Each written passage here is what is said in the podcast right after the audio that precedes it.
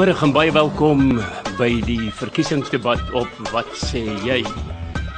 Gewoonlik het ons hier tussen 2 en 3 op 'n Vrydagmiddag ons inbelprogram Wat sê jy? Maar vandag in die lig van die verkiesing volgende week doen ons dinge so 'n bietjie anders. Ons begin 'n volle uur vroeër. En jy kan ongelukkig nie vandag inbel of SMS nie aangesien ons tyd vandag opgeslurp word deur die menings en die standpunte en die kruisstandpunte van die gaste hier in die ateljee. Ek gaan hulle net nou aan jou voorstel. Die vraag is natuurlik of jy al weet waar jy volgende week jou kruisie gaan trek. En indien wel, weet jy presies waarom jy jou kruisie daar gaan trek. Want die feit is en bly dat jy en ek letterlik die mag in ons eie hande het om te besluit wie ons moet regeer plaas nog 'n lekker verantwoordelikheid op my en jou skouers nie waar nie. Nou ja, dis logies dat ons nie alle partye praatkans kan gee hier om die tafel nie. Want anders sou die debat maklik 20 ure lank moes gewees het. Vandag se debat is om verskeie partye, 5 eh, wat ons hier in die ateljee kon kon inpas, 'n kans te gee om perspektief op sekere sake te gee van hulle verteenwoordig groter en ander kleiner partye en hooplik gee hulle standpunte ook genoeg perspektief uh, om vir jou en vir my die kans te gee om ons eie besluite te kan neem vir watter party ons ook al gaan stem. Ek glo die die grootste uitdaging vir elkeen van ons lê daarin dat dat ons ingeligte en verantwoordelike besluite moet neem. As ek nou reg onthou, dan staan daar in Hosea my volk gaan ten gronde weens 'n gebrek aan kennis.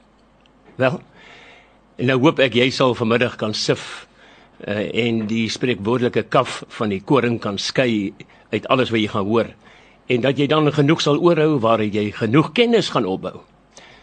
Om 'n sinvolle debat op radio te organiseer, moes ons nou uiteraard die getal mense beperk en so bietjie kom ek sê nou maar 'n oordadige struktuur aan die program gee. Baie welkom aan die volgende verteenwoordigers in die partye se alfabetiese volgorde Gaynor Pele van die ACDP. Hallo Gaynor. Hallo Marius. Het ek dit reg uitgespreek? Is Pele sê sê vir my die uitspraak is as jy fisies vir iemand dan sê dis dit Pele. Ja, gedaan Marius. en dan Sean Beineveld van die ANC. Sean. Marius, uh, baie dankie. Goeiemiddag aan jou, goeiemiddag aan die luisteraars. En dan James Vos van die DA. Hallo. Goeiemôre Marius, dankie. En Benjamin Marsala van die EFF, dag sê vir jou. Goeiemôre Marius en goeiemôre luisteraars. En Dr. Corneil Mulder van die VF+. Baie dankie Marius, dankie vir die geleentheid en dankie vir die luisteraars. Dames en here, soos wat ons vooraf bespreek het, is die reëls van die debat eenvoudig. Ek vra 'n aantal vrae en elkeen van julle kry 2 minute om daarop te antwoord. Ons val mekaar asseblief nie in die rede nie tydens die 2 minute nie, want Elkeen van u kry nog nadat almal gepraat het nog 'n minuut om repliek te lewer op dit wat om die tafel gesê is en waarop u dan kommentaar kan lewer soos wat u wil. Ons sal ook vir u mooi aandui hoeveel tyd u nog het. En ehm um, u moet asseblief maar binne die gegee tyd klaar maak dat ons nou nie jou mikrofoon moet afsny as jy blaatande tyd oorskry nie maar ek is vol vertroue dat dit nie nodig gaan wees nie. Beskou hierdie debat as 'n geleentheid om aan ons duisende luisteraars inligting oor te dra en hulle te bemagtig om verantwoordelike besluite te neem. Met elke vraag roteer ek dan die partye sodat elkeen 'n kans kry om eers te antwoord. Nou maar goed. Die laaste wat 4 jaar, dit is 4 jaar gelede sedert die verkiesing. Wat het u party die laaste 4 jaar vir die Wes-Kaap gedoen? Let asseblief daarop my vraag. Ek wil nie weet wat die beleid is daaroor nie. Ek wil ook nie weet wat die beplan om te doen nie.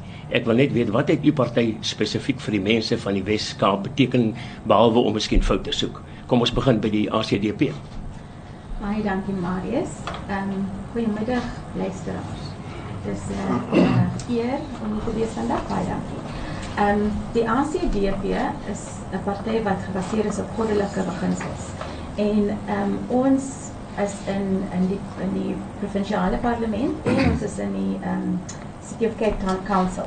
En in die City of Cape Town en die council het ons hard gebaklei vir ehm um, die drought.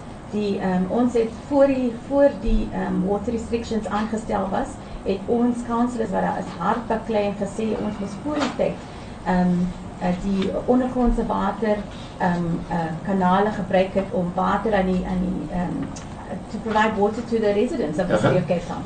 And um, so we, our councillors have, have been fighting very hard in council for things like the water restrictions, which is very costly for especially our pensioners and our, our, our um, um, poor people in our communities.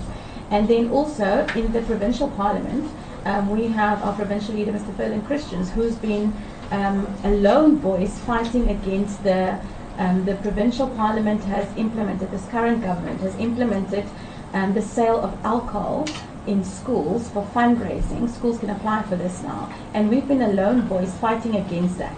Um, there were public participation that happened, and about 82% of the people in the in the Western Cape said they did not want this law, and the DA they um, implemented this law anyways, and they said that the voters gave them the mandate. So voters, be careful who you give your mandate to. You need to read the policies of the parties because that will determine what laws they will bring into this country. And if you uh, stand on biblical principles, think twice about who you give your vote to. Thank you. Dankie Gaynor en uh, die ANC. Hoe antwoord jy nie een vir alles jy nie die regering is in die Weskaap nie en vir alles jy nie die regering is in stad Kaapstad nie en vir alles jy nie die regering is uh, dwars deur die provinsie wat munisipaliteite aanbetref aan betref nie breedweg gesê. So ehm um, ek kan bietjie praat oor toe die ANC aanbewind was. Dit is die periode 2000 en ehm um, 4 tot by 2009. En ja, by die vraag was tog duidelik nou, ja, ja, wat het jy die afgelope 4 jaar gedoen? Ek kom ek kom daartoe. Uh, daarna toe geen is my geleentheid. Uh, ons is nie die regering in die provinsie nie. So so dit is dit is die die die, die catch in die vraag as ek so kan stel. Ons het die N2 uh, gateway het ons uh, gebou en natuurlik aan die behuisingsprojekte. Ons rekord was 22000 huise per jaar. Die huidige rekord uh, van die DA is 11000 uh, behuisingsgeleenthede. Uh, ons het N2 gateway gedoen, die DA het Blikkiesdorp gedoen. Uh, ons het die waglys het ons um, afgebring tot by uh, 400 uh, 1000. Die waglys onder die DA bestuur in Stad Kaapstad is uh, vandag 600 000. Uh, ons het titelaktes gegee aan mense die woord uh, mense in die Bokaap. Uh, vandag het ons gentrification uh, onder die DA. Ons het gemeenskappe begin integreer. Vandag het jy apartheid uh, spatial planning wat wat herlewe. So so daar's 'n dis 'n bietjie van 'n van 'n strikvraag. Maar natuurlik as jy van die ANC sou wil praat en, en jy, jy dit beperk tot die Weskaap maar jy so so, so wees billik. As jy van die ANC sou wil praat in in in Suid-Afrika, vandag het ons gratis gesondheidsorg vir swanger vroue, uh vir kinders tot op die ouderdom van 6. Uh vandag het ons 'n voedingsprogram by by skole, uh kinders uit uit arm gemeenskappe uit. Ons uh bied behuising en behuisingsgeleenthede. Vandag het jy skole waar skoolfooie nie betaal word nie omdat die ANC is die party vir die armste van die armes veral. Ehm um, daar daar is natuurlik nog baie wat ek kan wys, maar die tyd is beperk en deel van die uitdaging hier is die feit dat ons die Weskaap nie regeer nie. So, miskien is daai regtig 'n vraag vir die DA, maar ek wou net wys wat was die ANC se rekord toe die ANC hier aan bewind was en wat is die DA se huidige rekord. Ons hoor wat sê die DA. Goed Marius, baie dankie. Ek sien ons het sommer vanuit die staansvoor al beginne klappe uitdeel, maar goed. Kom ons begin by die ACDP se standpunt dat hulle in die wetgewer van die Wes-Kaap uh doeltreffende insette gelewer het. Dis jammer want hulle uh, lid van die provinsiale wetgewer is meer afwesig as teenwoordig en dit wys jou net weer eens uh stem vir hulle is 'n gemorste stem want hulle was glad nie teenwoordig toe die begroting gedebatteer is nie en is juist die begroting wat die uh, ernstige sake aanspreek van ons provinsie en as jy as party instem om 'n sekere doel te verrig en nie eers kan teenwoordig wees tydens die sittings van die huis of komitee vergaderings, dan is dit 'n gemorste stem. Kom ons beweeg aan na ons rekord in die Wes-Kaap. Die Wes-Kaap se werkloosheid syfer is die laagste in die hele land. Ons het al 508000 nuwe werksgeleenthede geskep sedert ons in 2009 oorgeneem het. So die vorige spreker wat die ANC verteenwoordig wat die uh die vergelyking wou getref het, het dit heeltemal misgesit want ons het juis die meeste werk geskep sedert ons in hierdie provinsie aan bewind gekom het. Belegging. Ons is die provinsie wat die meeste belegging laat plaasvind en uit belegging word werksgeleenthede geskep want die regering kan nie werk skep nie. Hy moet die omstandighede in plek sit sodat die privaat sektor uiteindelik die werk kan skep. En daarom is ons baie trots op die feit dat ons hierdie groot werksgeleenthede kon geskep het in samewerking met die privaat sektor. Ook die situasie rondom skole wat geopper is deur die vorige spreker. In hierdie provinsie het ons meer skole gebou en toegang gegee tot voedingsskemas as in ander provinsies en by gesondheid dieselfde. Ons het die meeste klinieke wat primêre gesondheidsorg uh, beskikbaar stel in gemeenskappe uitgerol. Hier in die metro het jy 'n kliniek in elke 5 km radius van jou huis wat 'n belangrike diens aan jou gemeenskap lewer. Behuising dieselfde. Ons het baie dienste beskikbaar gestel vir die uh, totstandkoming van nuwe huise en ook die oordrag van titelaktes. Soos ons wil begin 'n syfers uitdeel, kan ons in die Weskaap wys dat waar ons regeer, regeer ons goed met die hoogste syfers wat 'n positiewe bydrae maak. James Vos van die DA en Benjamin Masala van die EFF. Goeiemôre Marius. Marius, ek stem met die ANC saam met jou vraag en ek uh, meer gebaseer moet wees op die op die DA. Uh die EFF is 'n revolusionêre uh sosialistiese organisasie en dit is nie tans in beheer van die Kaap uh van die stad Kaapstad nie. Wat die EFF wel gedoen het, die EFF het groot premie gelê op die grondwet te verander met spesifieke verwysings na artikel 25 van die grondwet. Want as u na ons mense kyk, ons mense kry swaar. Na die verkiesing in 1994 het ons mense baie hoop gehad en daar het niks gerealiseer nie. Ons mense bly in skwatte kampe onder haglike omstandighede. En dis hoekom die EFF dit kom regkry om hierdie kwessie dat grond uh uh van uh die voorheen uh die mense wie voorheen die grond besit het dat dit teruggeneem word en terugbesorg word sonder vergoeding in die hand van die massa van Suid-Afrikaners wie nie grond besit nie. Die EFF het in Tshwane suksesvol reg gekry dat die security personeel voltyds aangestel word met al die voordele wat daarmee gepaard gaan. Die EFF het uh deur sy fees mas vol campaign studente wie uit armoedige omstandighede uitkom in staat gestel om te gaan verder studeer. In KwaZulu-Natal het die EFM 'n mosie van tafel gestuur dat KPMG nie weer toegelaat word om as ouditeursfirma op te tree nie. Die lys is lank en dit kan aangaan. Die EFF is baie beslis die antwoord op die swart massas vir 'n beter lewe vorentoe. Die uh, Vryheidsfront Plus, Dr. Konay Mulder. Ja, dankie Marius. As ek mag begin, as ek nie verkeerd is nie, is dit uh, Radio Tygerberg se 25ste verjaarsdag. Inderdaad. Ek wil geluk sê, die stasie is baie bekend en hy maak 'n besondere bydrae spesifiek hier in die Weskaap. Baie sterkte vir die pad vorentoe. Die vraag is wat het die jou party die afgelope 4 jaar in die Weskaap gedoen? Dit is inderdaad so, die Vryheidsfront Plus is nie tans deel van die regering in die Weskaap nie. Ehm um, ons sal dit natuurlik bietjie wil verander na die verkiesing en ons wil daarby kom. Maar die party sê ons streef en in die afgelope 4 jaar het ons daardie doelwitte bevorder in die provinsie. Ons is daarmee besig op 'n daaglikse basis. Ons uh, ons raadslede waar hulle dien, doen presies dit. Om te sê as 'n Christelike party wil ons graag 'n politieke bestel daarstel waar Christelike waardes sal geld.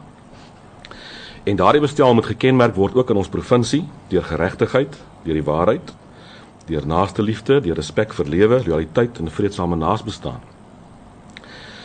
En as ek soms luister na van die ander partye, dan klink dit vir my dat ons ons kom nie noodwendig by hierdie doelwitte uit nie.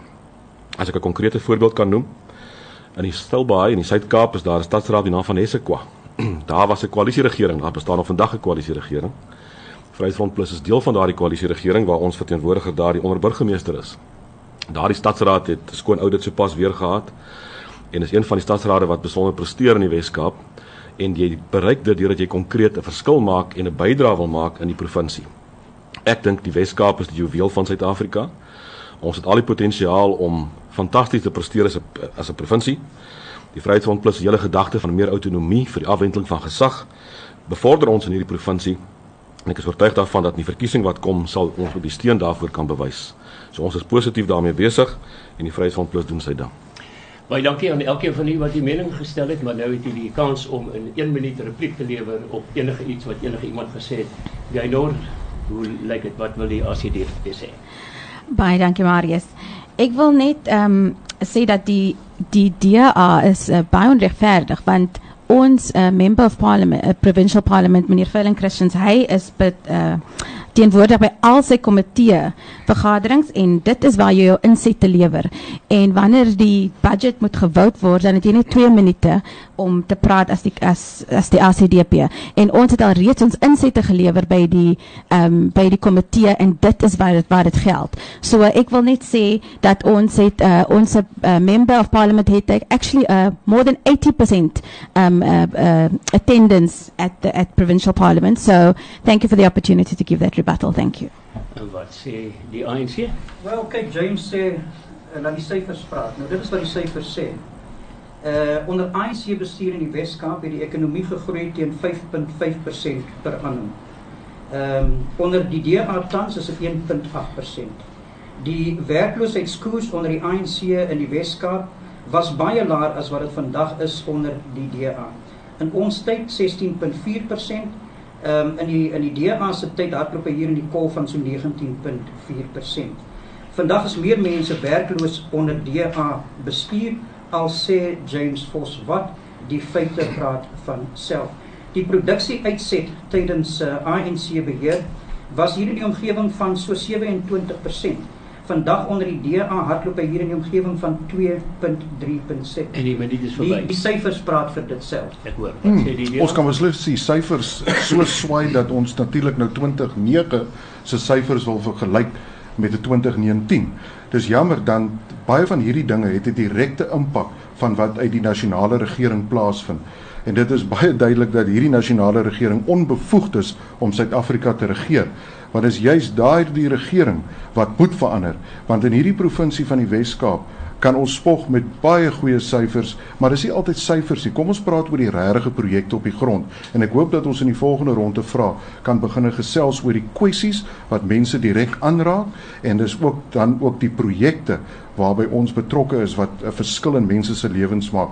Dis die goed waaroor ons moet gesels. En is jammer dat die ANC heeltemal uh dit misgis deur om met syfers te kom probeer speel terwyl dit eintlik die kwessies is baie baie later by 2019 en dis daarom dat hierdie provinsie by by internasionale standaarde gemeet word want dis die tipe standaarde waartoe ons mik. EFF. Baie dankie Marius. Ek het nagelaat uh om te noem dat dat die EFF was wat van die korrupte Jacob Zuma ontslaag geraak het en van die Gupta broers dis die EFF wat staatskaping op die voorgrond gesit het. Uh werkloosheid met verwysende na die DA het in die Weskaap toegeneem. As jy na areas toe gaan so Stafels se Kreepgat en in Mitchells-Plain, dan gaan jy sien dat ons mense ly honger en ons mense het nie werk nie. Die DA het definitief hy het goed gedoen ten opsigte van sy beleid wat hy gesê het hy gaan die wit eh, hy gaan die Weskaap blou maak. Hy het die Weskaap blou gemaak met sy blou watermeters wat meer konflik en hartseer op ons mense gebring het. Ons mense met duisende rande se waterrekeninge. Die DA is beslis nie 'n goeie party vir brein en swart mense nie. Wat sê die Vryheidsfront? Ja, as ek kan vinnig twee kortpunte maak. Ek hoor ons kollega van die ANC verwys ons na die tyd toe die ANC in die Wes-Kaap regeer het van 2004 tot 2009. Ek kan nie onthou dat die ANC al ooit 'n verkiesing in die Wes-Kaap gewen het nie. Ek dink hulle het 'n uh, bewind gekry wat aan hulle gegee is deur 'n voormalige party wat nie meer bestaan nie. So is nou baie goed om te sê die ANC het regeer en was so en was so. Maar die kiesers het hulle nog nooit aan bewind geplaas nie. En die kiesers gaan hulle ook nie weer in die toekoms ooit aan bewind plaas nie ek dit val my op as as my kollega van die DA kom en hy verwys na die syfers en hoeveel werk geskep is. En dan word dit opgeëis asof dit die regering van die provinsie is. Dis nie die provinsie wat se regering wat werk skep nie. Die private sektor skep werk en geleenthede word geskep. Ja, hulle mag help het om die geleenthede te skep, maar dis nie 'n provinsiale regering nie. En uh, ek is altyd maar gemaklik as as enige iemand probeer eis en sê ons het dit, net ons het dit en net ons het basies dat Ek dink nie dit is korrek nie. Ek moet ook nou net sê ek hoor hier om die tafel ehm um, baie politiek. Dit is interessant. Nie dat ek dit veel anders verwag het nie, maar dis die politieke arena. Ekskuus tog, dis die politieke arena waar binne ons beweeg. Nou wil ek graag by u weet, uh, hoekom moet die mense gaan stem? Hoe lank tyd? Daar is baie mense wat openlik sê hulle gaan nie stem nie omdat hulle geen politieke party kan vertrou nie. Hoekom moet hulle gaan stem? Daar's altyd 2 minute vir jou. Elkeen van julle het 'n kans om 2 minute te praat. Vryheidsfront eerste. Ek dink dit is absoluut essensieel dat jy moet gaan stem. Dit is jou demokratiese reg om te gaan stem. En ek wil baie brutaal sê ons het 'n proporsionele kiesstelsel en as jy nie gaan stem nie, bevoordeel jy die ANC in Suid-Afrika. En ek dink nie dit is 'n baie goeie idee nie. Ek dink dit is nogal 'n baie slegte idee. Kom ek maak dit konkreet. Kom ons sê daar's 10 kiesers in totaliteit en 6 sou vir die ANC stem en 4 sou vir oppositiepartye stem, dan sit dit om net in suiwer persentasies. Dit beteken die ANC het 6 uit 10. Hy het 60% van die steun dan en hy kry 60% van die verteenwoordiging. Maar indien 'n oppositiekiezer sou sê ek gaan nie stem nie soos wat jy nou daar genoem het, dit maak tog nie sin nie, dit help tog nie, dit gaan nie 'n verskil maak en hy bly weg. Dan het die ANC nog steeds net 6 stemme, hy het nie enkele stem bygekry nie. Maar skielik het die ANC nou 6 stemme uit 9. En sonder dat hy enige stem bygekry het, verhoog sy persentasie steun van 60% na 66%. En die oppositie het minder omdat een ou nie gaan stem het nie. So dis absoluut essensieel jy moet gaan stem. Maar dan is die belangrike ding, jy gaan stem vir die party van jou keuse. Jy mors nie jou stem deur te gaan stem vir 'n party waarmee jy nie saamstem nie. As jy DP Dankie Marius. Ehm um, ek dink as ehm um, 'n responsible citizen is dit jou verantwoordelikheid om te gaan stem. Elke um, citizen in hier in hierdie Weskaap en in hierdie in hierdie land, dit is jou verantwoordelikheid om te gaan stem. Jy het dit genoem toe ons begin het dat dit is nogal 'n groot um, uh, verantwoordelikheid op jou skouers as 'n as 'n 'n citizen in hierdie land. Um, en jy het nie die reg om te complain as jy nie gestem het nie. As jy nie gestem het nie, dan het jy jy het die geleentheid gehad om jou kruisie te maak en te op die die verantwoordelikheid te neem om uh, elke politieke se ehm um, uh, policies te gaan lees en bestudeer en dan 'n uh, informed decision te maak oor wie jy gaan bystaan in die in die verkiesing. So kom 8 Mei, maak 'n punt daarvan om elke party se beleid te gaan lees en bestudeer en maak 'n informed decision wanneer jy 8 Mei gaan kies. Dan. Wat sê die ANC? Die mense sê ja, vir die ANC is die fokus op werkskepping, die uh, fokus is op uh, die elimineer van armoede, die fokus is op die verbetering van lewensstandaarde. As jy in daai goed belangstel, dan stem jy ANC. Die die die Suid-Afrika wat ons vandag het, die vryheid wat ons vandag het, baie baie opofferings, baie baie stryd. Vandag het Suid-Afrikaners die geleentheid om 'n nuwe hoofstuk te skryf. 'n uh, 'n nuwe era, 'n hoofstuk van van van nuwe hoop en so aan. En die ANC is daar en die ANC sê kom ons vat die hand en kom ons bestry die uitdagings in ons gemeenskappe en kom ons bou saam 'n uh, gesamentlike beterskap. En uh, dit is hoekom mense moet gaan stem omdat daar is hoop en daar is vertroue in hierdie land en die kiezer het die grootste sê. Ja. Ja, nee beslis. Ek dink burgers het uh het 'n voorreg en 'n reg as jy die twee bymekaar voeg om uiteindelik hulle kruisie te kan trek. En ons moet onthou dat daar 'n lang pad gekom het in ons land waar mense die stem benadeel was. So die stem is 'n baie ernstige metode om die uh, uitdrukking te gee van die wil van die mense en spesifiek op landswye vlak moet ons die regering tans onder ANC beheer uh, onder 50% bring en dis hoekom hierdie proporsionele stem baie belangrik is. Dit is 'n belangrike debat want 'n stem op uh, 'n uh, klein party gaan dit baie moeilik maak. Maar jy weet, 'n stem vir die ANC, 'n stem vir nog korrupsie, 'n stem vir nog tenders wat uitgedeel word aan vriende. Dis die realiteit en selfs met die EFF, daar is 'n alliansie van korrupsie tussen die EFF en die ANC as dit kom by die onteiening van grond sonder vergoeding. Dis die goed wat beleggers en inwoners bang maak en ons moet stem om daardie uh, dinge uit die weg te ruim en die party wat ek verteenwoordig, die DA, is 'n party wat gelei word deur sy waardes sodat ons kan hoop gee vir ons inwoners en ons burgers sodat ons omstandighede kan skep op die pad vorentoe. Wat sê die EFF, hoekom moet mense gaan stem? Is baie baie belangrik om te stem, Marius. As jy nie stem nie, dan gaan jou jou stem nie gehoor word nie. En jy gaan nie 'n invloed kan uitoefen op watter rigting in watter rigting jy vir jy die land moet beweeg nie. As ons kyk na 1994 toe het ons politieke vryheid gekry. Maar wat toe kort ge, uh, geval het is dat ons is nog steeds gebind onder maatskaplike apartheid. Ons is nog steeds gebind onder uh, ekonomiese apartheid. En hierdie twee goede is intrinsiek met mekaar. Kyk hoe lewe ons mense. Ek wil spesifieke beroep doen op die Boesman en die Khoi mense daar buitekant wie 'n wanpersepsie het van die EFF om in groot getalle vir die EFF te gaan stem. Die kolonialiste het hulle grond op 'n onregmatige wyse en 'n wrede wyse kom afneem. As grondhervorming plaasvind soos die EFF dit soek dat artikel 25 van die grondwet verander word dat jy grond moet terugkry sonder vergoeding dan sal dit die boesman en die koi en breinmense emansipeer dankie. Nou ja paar monde vol wat om hierdie tafel gesê is. Um, ek uh, wonder is jy wil jy 'n repliek lewer? Ja. Hy sê nee, nee, ja sê hulle. Ons moet eers gou 'n repliek lewer op hierdie. Kom ons gaan ek 'n repliek gou gou ons het 'n minuut elk. Ehm um, ek wil net sê dis 'n uiterste leen Die DA sê dat 'n stem vir 'n klein party is 'n stem wat gemors word.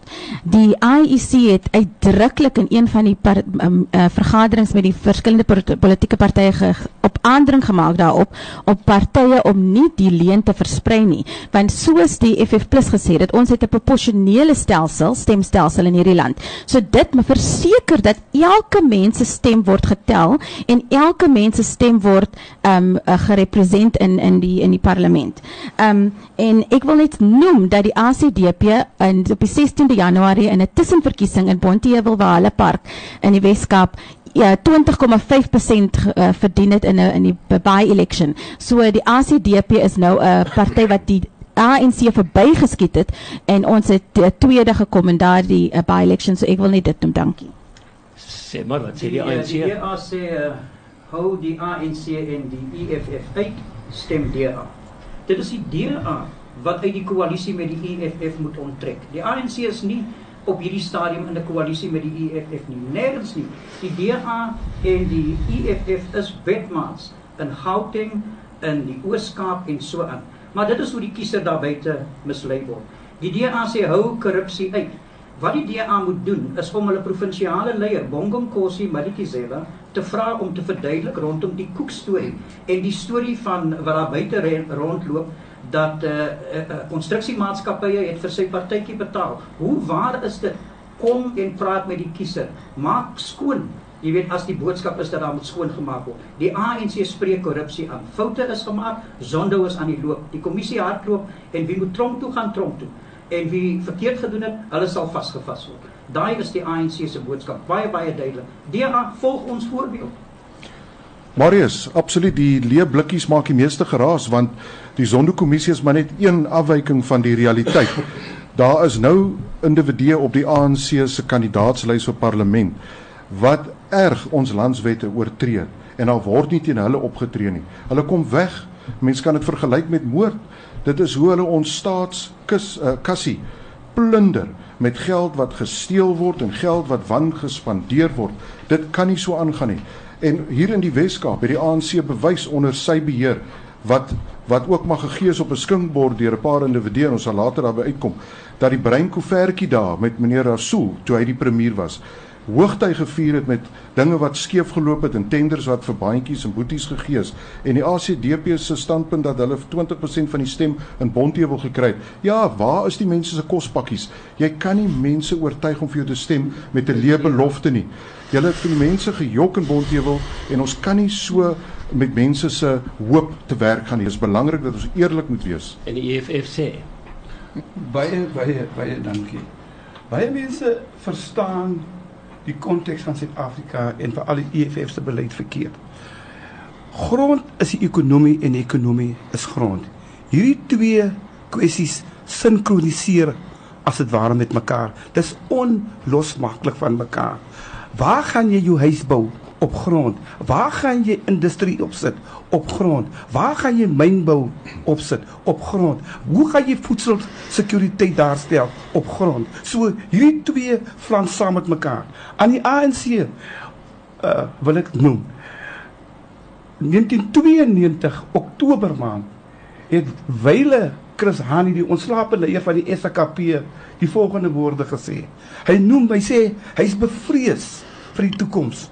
Want wat gaan gebeur is dat die politici gaan nuwe karre ry, blink karre ry, hulle gaan in weelde bly en hulle gaan op die ou end die ondersteuners agterlaat. Dit is presies wat die ANC oor die 25 jaar gedoen het. Die mees die mees korrupte regering ooit.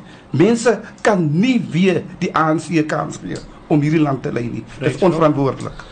Marius, die vraag wat ons tans moet beantwoord is hoekom moet mense gaan stem? Nou wil ek begin deur te sê met alle respek, die DA is die heel laaste party in Suid-Afrika wat moet sê jy jok vir die kiesers. En ek hoop ons kan terugkom. Dankie. Ek hoop ons kan terugkom op daai punt. Ja, tweede een. Ek weet nie wat in jou voor in jou toekomstige vrae hier is nie, maar ek wil vra as dit moontlik is, moet ons genoeg tyd spandeer oor die leuen van mors jou stem. Ek weet nie of daar so 'n vraag is nie. Daar behoort een te wees, as ek dit mag sê. Want dit is die hoogste leuen wat tans die wêreld ingestuur word deur die demokratiese alliansie wat die demokrasie ondermyn wat 'n vrye verkiesing ondermyn wat met leuns die wêreld ingestuur word en ek sal baie graag dat ons daaroor moet praat asseblief. Hier is nie so 'n vraag nie, maar ek dink hier's al 2, 3 mense wat reeds daarop gereageer het. So ek dink hy is reeds geantwoord die kommentaar en die reaksie was reeds daar.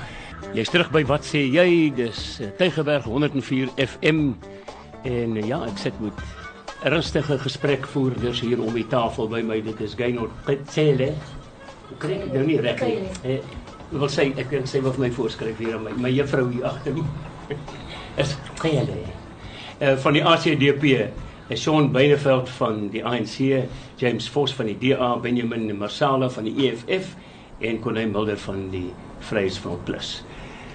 Ons het nou heelwat vrae gevra al, het ons net twee en jy kan nie glo hoe hardloop die tyd met ons weg nie.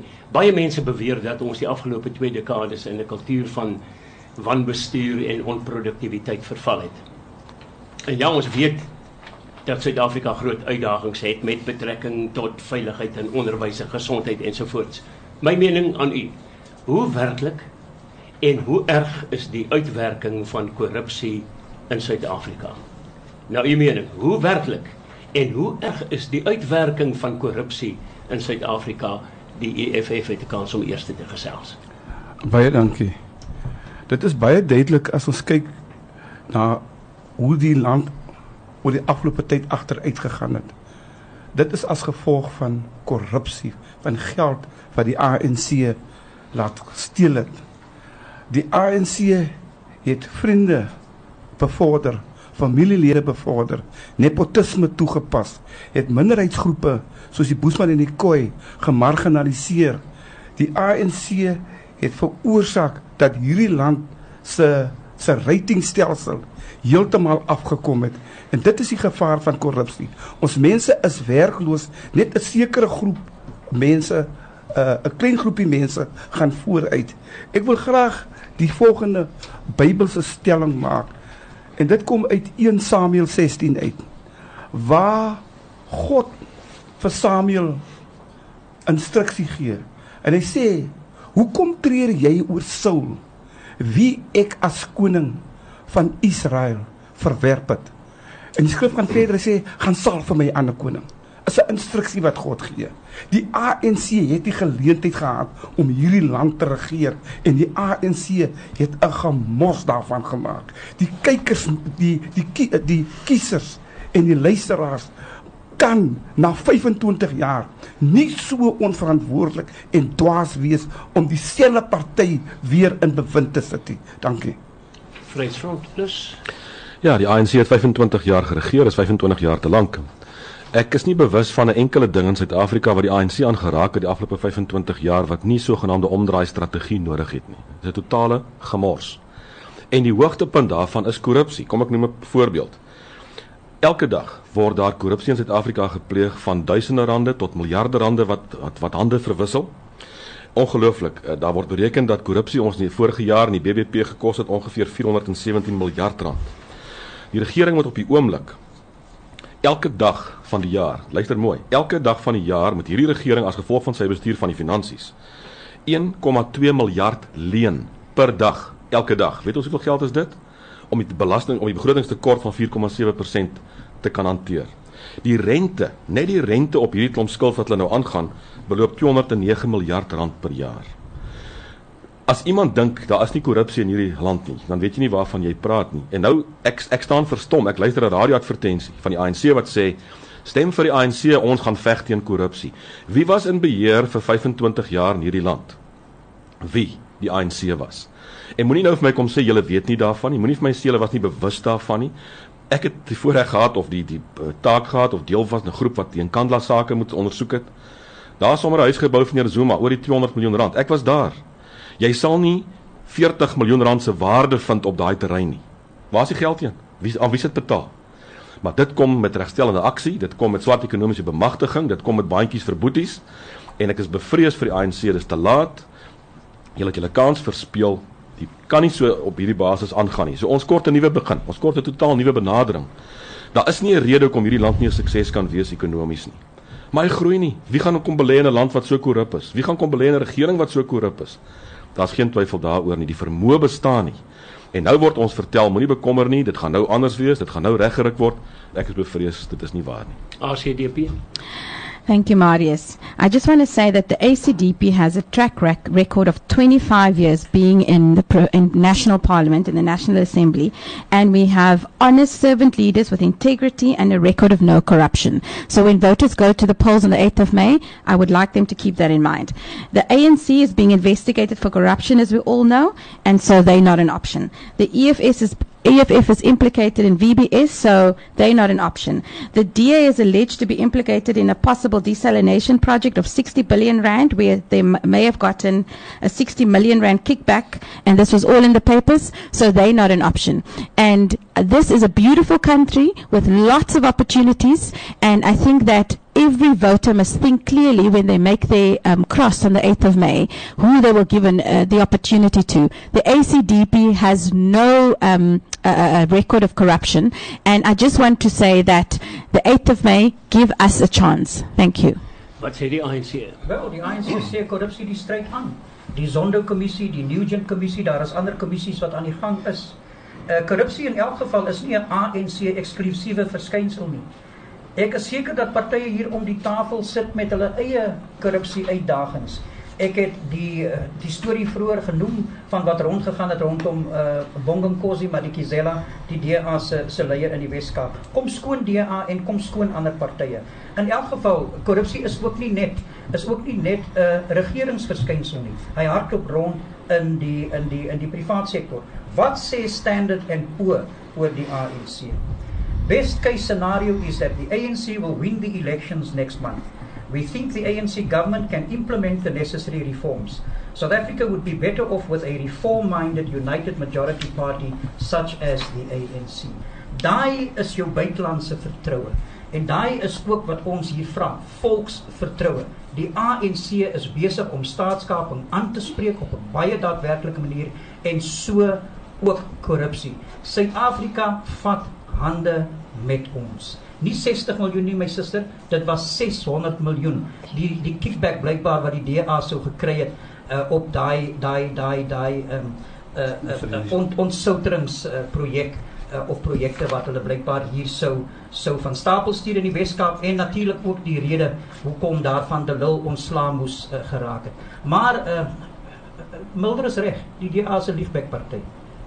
Wat sê die DA? Ja, hier's baie goed. Suid-Afrika is by 'n kruispunt met betrekking tot korrupsie en dit kan ons alles voor die voordeur van die ANC plaas. Die ANC kan nie 'n tweede kans kry nie. Shaun Beineveld van die ANC sê dat daar 'n kommissie is van dit en 'n kommissie van dat.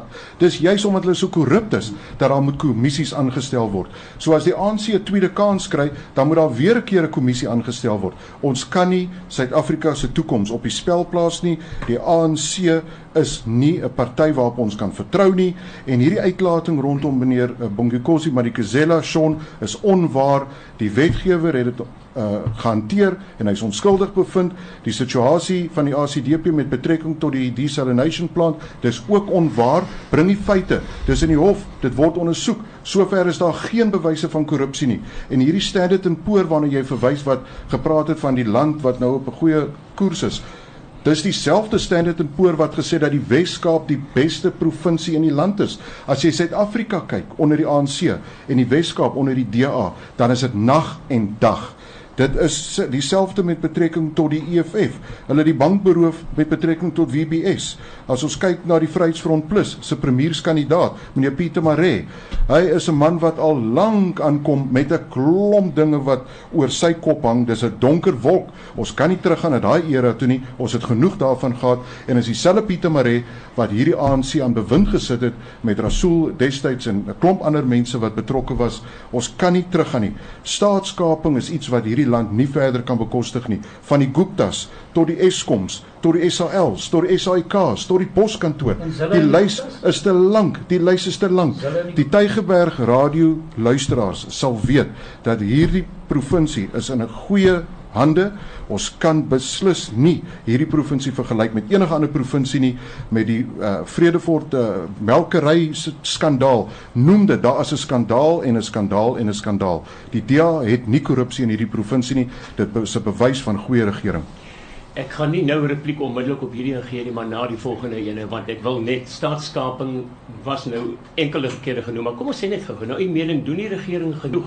en vinnig genoeg teen staatskaping. Maar eintlik is die vraag: wat sal u party doen om seker te maak dat so iets nie weer gebeur nie? Dis eintlik die vraag.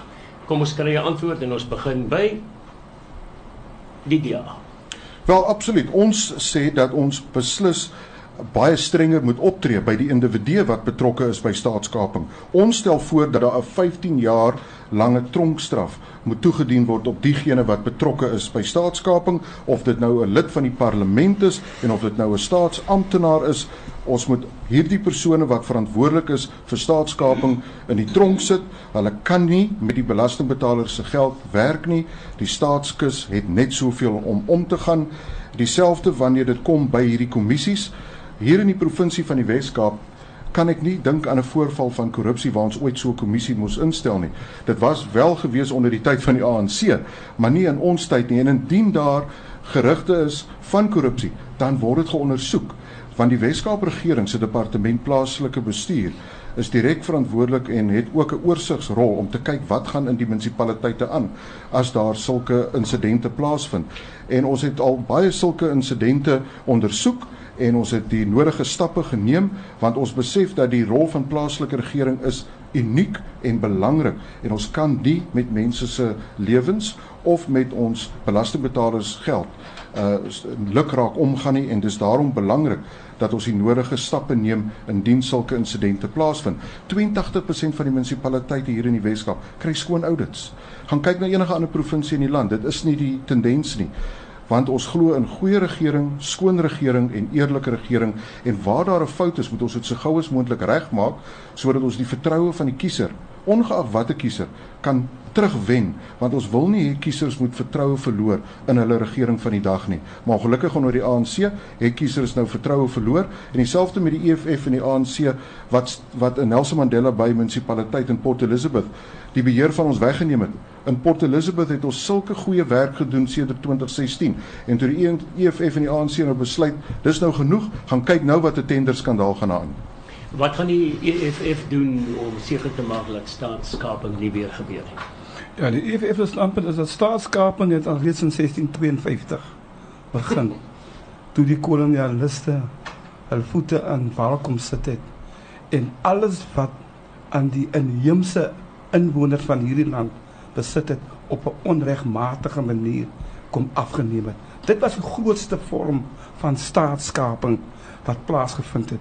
En dieselfde mense wie tans in beheer is van die ekonomie het nooit tantimes uh en en en en vergoeding betaal teenoor die eerste inheemse nasie wie hulle gekaap het nie. Dit is die grootste vorm van staatskaping. Staatskaping vind tans plaas ook onder Cyril Ramaphosa.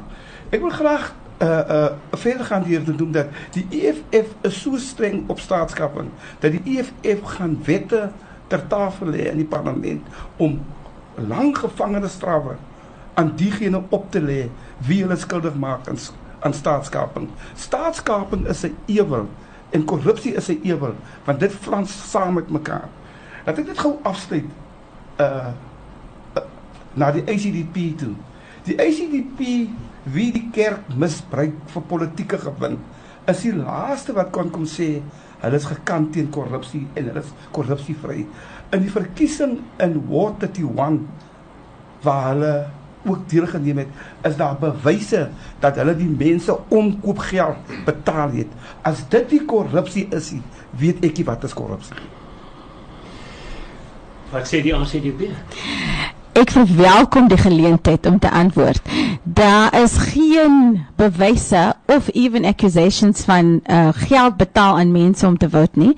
En ehm um, daar was 'n uh, uh, 'n allegation van kospakkies wat uh, of of nee vouchers wat die DA gebring het en ek wil net noem dat die vouchers was gegee aan ons members en daar het niks die saak was hulle het dit genoem aan die IEC en dat niks van die saak gekom het. So dit is bewyse dat ons niks verkeerd gedoen het nie. Baie dankie vir die geleentheid om dit aan te spreek. EFF uh, was net nou daar en eintlik moes ek vir die Vryheidsfront direk kans gegee het, so jy het jou kans. Ja, baie dankie. Kom ek begin deur te sê dit gaan oor staatskaping. Staatskaping is nou ter sprake saam met korrupsie. Hoekom? Want die geld is op. Die geld is nou klaar gesteel. Daar is nie nog geld om te steel nie. En nou vind ons uit o, jene, ons moet uitvind hoe dit gebeur en nou vind ons uit dit was staatskaping. Aan die grond van staatskaping lê die hele ingesteldheid en korrupsie. En korrupsie sny wyd. En ek kan nie help nie om my vriend van die DA moenie dink ons is stupid nie. Hoekom vergeet ons dat die Gupta's vir die DA ook donasie gegee het? Hoekom sê ons dit nie? Maar ons bly stil daaroor.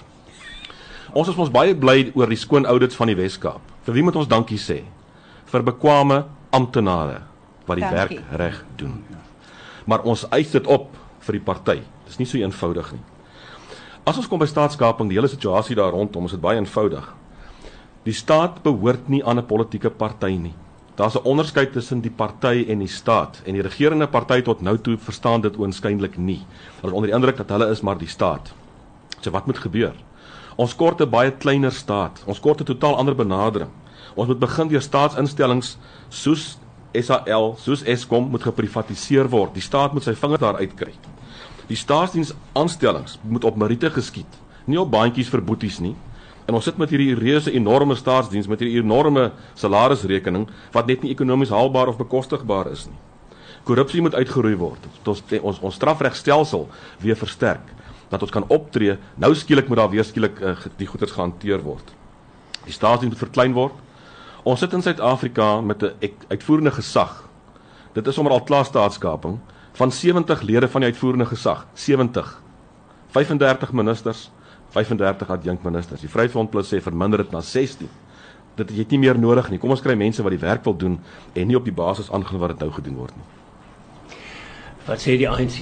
Ja, die Vryheidsfront uh, minus sê dat ehm um, ehm uh, kleiner regering, die ANC is op rekord op kleiner regering. Die regering na afloop van die verkiesing gaan kleiner wees, nie as gevolg van die Vryheidsfront Plus se advies nie, as gevolg van die ANC se verbintenis. Die EFF sê dat hulle streng op die kwessie van uh, van van staatskaping. Die ANC en Ramaphosa is strenger. So wat sê ons baie baie duidelik?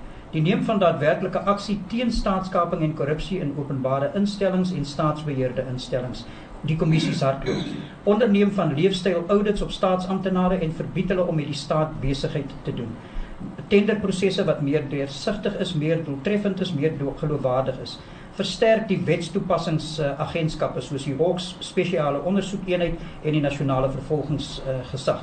Versterk die parlement en provinsiale wetgewers se oorsigrol ondersteun plaaslike owerhede om finansiële bestuur, diensverskaffing en infrastruktuurskepping en onderhoud te verbeter. Nou ja, ehm um, die DA sê dat Bongonkosi was onskuldig bevind. Die DA het ontslaag geraak van twee registrateurs van ledebelange in die provinsiale wetgewer voor daai proses en deur die loop van daai proses. Daai sê baie van die DA en en skoon regering. Dit is op rekord. Hulle die DA geld vanaf die Guptas so so glad nie so skoon soos wat hulle wil beweer nie. Maar in elk geval, ek hou van James Vos se erkenning dat hulle DA korrupsie ehm um, dat hulle dit vasvat in munisipaliteite, uh, hulle doen ondersoeke en hulle het opgetree. So nou kan jy sien dat James Vos sê ook self dat korrupsie is nie 'n ANC eksklusiewe geleentheid nie. Die DA is in daai gemors en saam met Suid-Afrika spreek die ANC daai gemors aan. En met met met Ramaphosa aan die voorpunt. Dame en menere, dit is kans vir repliek. Jy het 1 minuut elkeen uh die DA eers. Dis absolute nonsens dat ons van mense ontslaag geraak het wat 'n kommissie moes lei.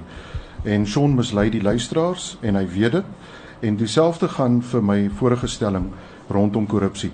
Ek het dit baie duidelik gestel dat in die DA waar korrupsie sou plaasvind, hanteer ons dit vinnig effektief sodat ons kan voortgaan met dienslewering en nie vir jare en jare vasgesit word in kommissies die een na die ander wat niks seggend is nie. En so ons is baie duidelik rondom ons standpunt wat korrupsie aanbetref. Ons moet 'n gespesialiseerde eenheid instel op nasionale vlak met mense wat die bevoegdheid het om op te tree teen staatsamptenare en politici wat betrokke is by korrupsie om hulle onmiddellik te vas te vat en dan vir 15 jaar in die tronk te sit. Dis waar hulle behoort te wees. En rondom die bekwame amptenare in die Wes-Kaap van meneer Mulder, absoluut, want dis die DA se beleid wat sê kom ons stel die mense aan met die regte kwalifikasies, die regte prestasiemeting en die regte meriete. Dis hoekom die Wes-Kaap suksesvol is want ons gebruik die mense met die regte ervaring en kwalifikasies om van daai munisipale departemente 'n sukses te maak. Dis die DA se resep. En die EFF sê Baie dankie. Die EFF uh uh noem dat uh uh daar gaan streng uh teen uh uh teen staatskaping en korrupsie. ja, dit, en dan gaan straffe van 20 jaar en meer gaan er opgelê word. Die persone wat uh whistleblowers is, wat vletjie plaasers is, hulle gaan ook beskerm word onder 'n EFF program. Maar die EFF het 'n visie vir hierdie land. Die EFF se visie is dat die minderbevoorregte mense, die backyard dwellers moet in normale huise gaan woon. Jeugdiges wie werkloos is, hulle moet werk geskep word voor. Die skole waar ons kinders tans skool gaan, moet die, op dieselfde vlak wees soos die wat ons in die gegoede areas kry. Die misdaadsyfer wat in ons land is, wie die meeste swart mense uh betrek, dit moet drasties afneem. Die EFF gaan verder en sê ons gesondheidstelsel moet ook drasties verander. Dankie. VF+. Ja, net uh, twee vinnige puntjies. As my vriend van die ANC my party aanspreek as die Vryheidsfront minus is 'n goeie teken dan was hy skoot raak. Hier kom nog een. Kom ons veronderstel, die ANC doen wat hy sê en hy gaan nou al die wonderlike goed doen wat hy nou gaan regmaak, al die verkeerde goed. Saam met julle. Wat het gemaak dat jy 25 jaar gewag het om tot op die punt te kom? Wat het nou gebeur? Het die weerlig geslaan? Wat het gebeur? Dat jy skielik tot die konklusie kom, nou moet ons se slag die regte goeders doen. Eerste punt. Tweede punt, ehm um, ek hoor meneer Vos praat van die amptenare en die regte bekwame mense wat aangestel word op meriete. Maar julle steun vir regstellende aksie trek 'n streep daarteenoor en dis 'n probleem. Laaste punt. Die opmerkings en ek dank ek's bang daar kom nie weer 'n kans nie wat u net nou gemaak het oor meneer Pieter Maree is uiters ongelukkig. Dis 'n tipiese weer eens 'n halwe waarheid op die tafel gooi. Meneer Maree is onskuldig bevind aan elke ding wat voor hom gelê is en om hom te beskuldig dat hy die oorsaak is dat die ANC oorgeneem het, is 'n blaatante infame leuen en die DA weet dit. Thanks, Marius. Marius, corruption will only be eradicated when you deal with the root of the issue. And the root of the issue, you have to put competent people with integrity in place. So when the voters go and vote on the 8th of May, they must make sure that they check out who um, are the candidates um, that will go into public office. Um, and ha- we have to take seriously how the current governments, uh, provincial and national, have been stewarding state resources, and we have to put people in place that will do a better job. Um, we want to feel safe in the knowledge that our taxes are being used transparently, economically, effectively, and efficiently so that we can realize our dream of a shared future for all. This is the reason that people should go and vote for the ACDP on the 8th of May because we will realize this dream. Thank you. Shaun ANC. Wel, Ramaphosa is 'n uh, eerlike en bekwame regering se gesalfde. Daar's nie twyfel oor daai nie. Standard & Poor's sê dit, die wêreld sê dit en Suid-Afrika sê dit. Glo my die Weskaap gaan dit ook sê op die op die 8de Mei. Ek is bly weer eens en ek wil hierdie punt benadruk dat James Vos erken DA korrupsie. Die enigste punt wat hy maak is dat hulle is vinnig, hulle is vinnig in die aanspreek daarvan. Dis die punt wat hy maak. James Vos praat ook en die DA praat van mislei. Kom ons praat 'n bietjie oor mislei. Jy sit 'n plakkaat op wat sê dat jy gaan 'n provinsiale polisie diens na die Wes-Kaap toe bring. Oneerlik. Nêrens in die provinsiale begroting maak hulle voorsiening vir daai nie. Hulle het nie eens wetlik die bevoegdheid om dit te kan doen nie. Nou daai is nou vir die volk lieg en die volk loop staan en bedrieg. Maar daai is die DA, dis 'n liegbek party. En soos die ICDP sê, kyk na die feite en as jy na die feite kyk, stem jy ANC. Ek ek gee net twee asemhalings voor ons by die volgende vraag uitkom. Is partymal nodig. Ons moet ongelukkig aangaan na die volgende vraag. Is dit toevallig al die ontwrigting en so kort voor die verkiesing die betogings en die paaie wat versper word en die treine wat afgebrand word en al die dinge. U standpunt is my vraag. U standpunt oor onverantwoordelike ontwrigtingspolitiek in die land en veral in die Kaap. ANC asseblief. Wel kyk mense het behoeftes en noodgroei en deur aan regering faal ons mense in die Wes-Kaap in stad Kaapstad en so ook alle munisipaliteite. So frustrasie kan jy verstaan. Maar dat hierdie ding nie so onskuldig is plek plek soos wat mense miskien sou wil voorgee nie. Daai vermoede moet ek vir jou sê word verdiep wanneer ek vir Helen Zille en die Land Party saam sien in um, in Botrefuur. Saam op die verhoog, saam in 'n program. En dan wonder ek maar waarmee is Zille en die Land Party doenig? Want Botrefuur het ontwrigting gehad. So dan is dit glad nie meer so toevallig sou ek wou sê soos wat 'n mens sou wou glo en so onskuldig soos wat 'n mens sou wou meen dit is nie. Zille en die DA moet skoon kom oor wat vir my lyk na 'n verhouding met die Land Party op die grond.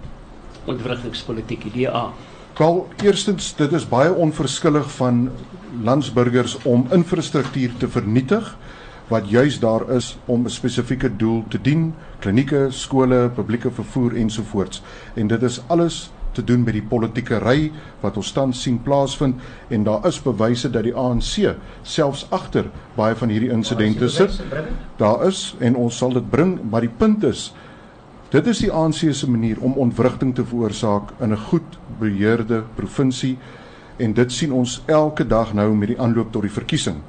Die situasie rondom die premier wat by Botrefuur opgetree het, dit is die werk van die premier om by elke geleentheid in te gryp om sodanig te probeer normaliteit en stabiliteit te bewerkstellig en Helen Zille se rekord van diens in hierdie provinsie 10 jaar lank as premier is bewys daarvan dat wanneer sy ingryp dat daar sukses en stabiliteit tot gevolg sal kom.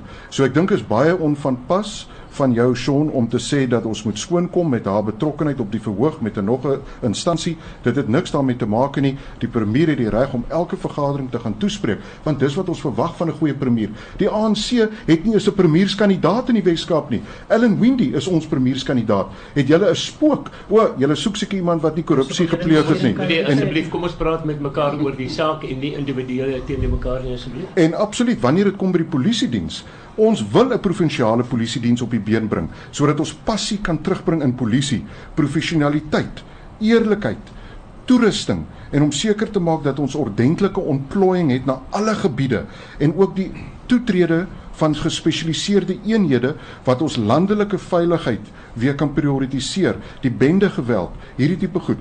Dis hoekom ons 'n provinsiale polisie diens soek, want julle in die ANC onder die nasionale regering kan dit nie vir ons mense bied nie. En dis hoekom ons 'n uh, slagspreuk het wat sê bring die polisie onder die provinsie se bestuur sodat ons iets ordentlik daarvan kan maak sodat ons ons mense kan veilig hou. Die EFF oor ontwrigtingspolitiek. Ja, ek wil begin deur te noem dat die die DA is 'n baie baie goeie politieke party vir wit mense.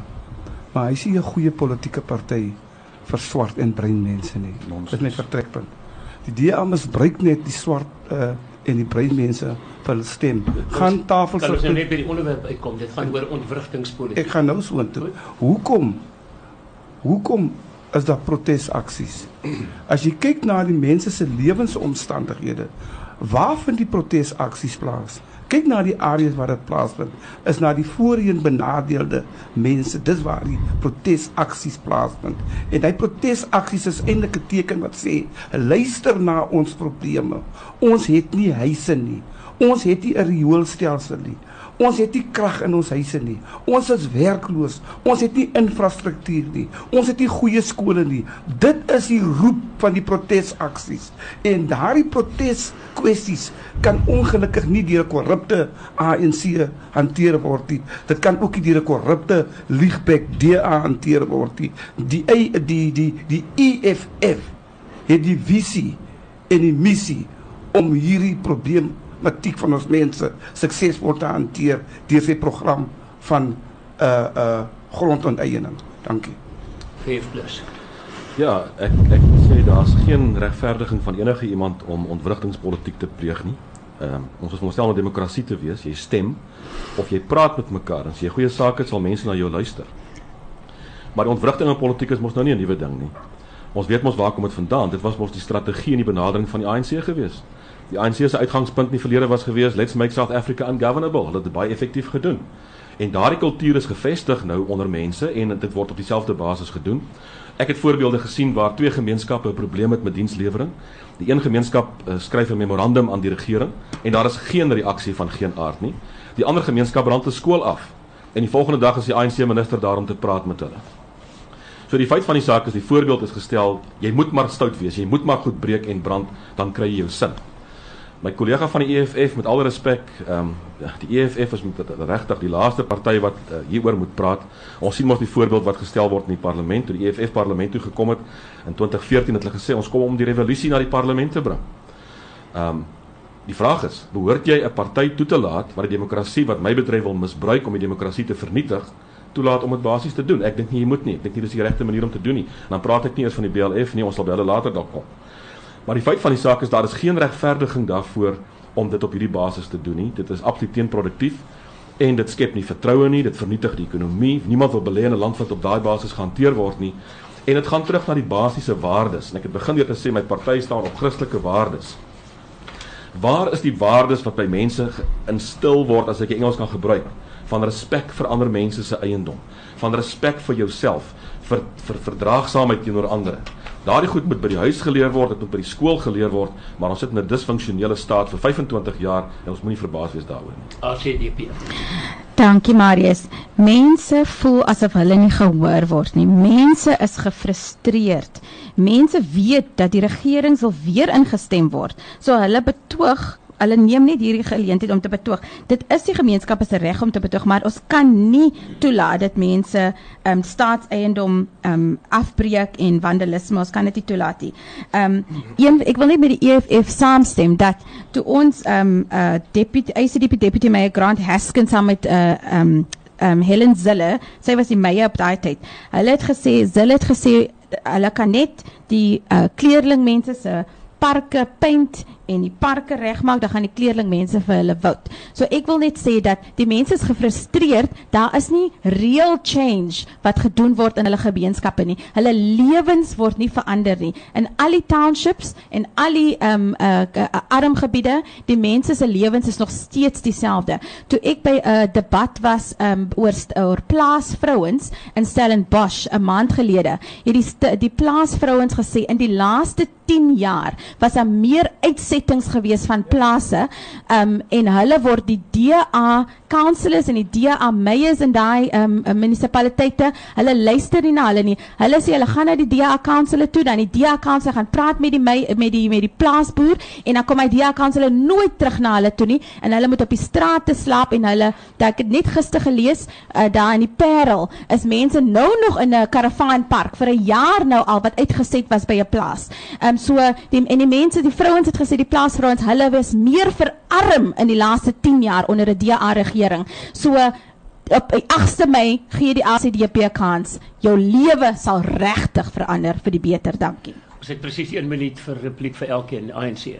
Wel, dit begin met 'n A, maar daai A eindig met 'n C, dis die ANC gee die ANC 'n kans. Maar die ACDP is reg in terme van plaasuitsettings en die DA se versuim om dit te stop en om dit aan te spreek.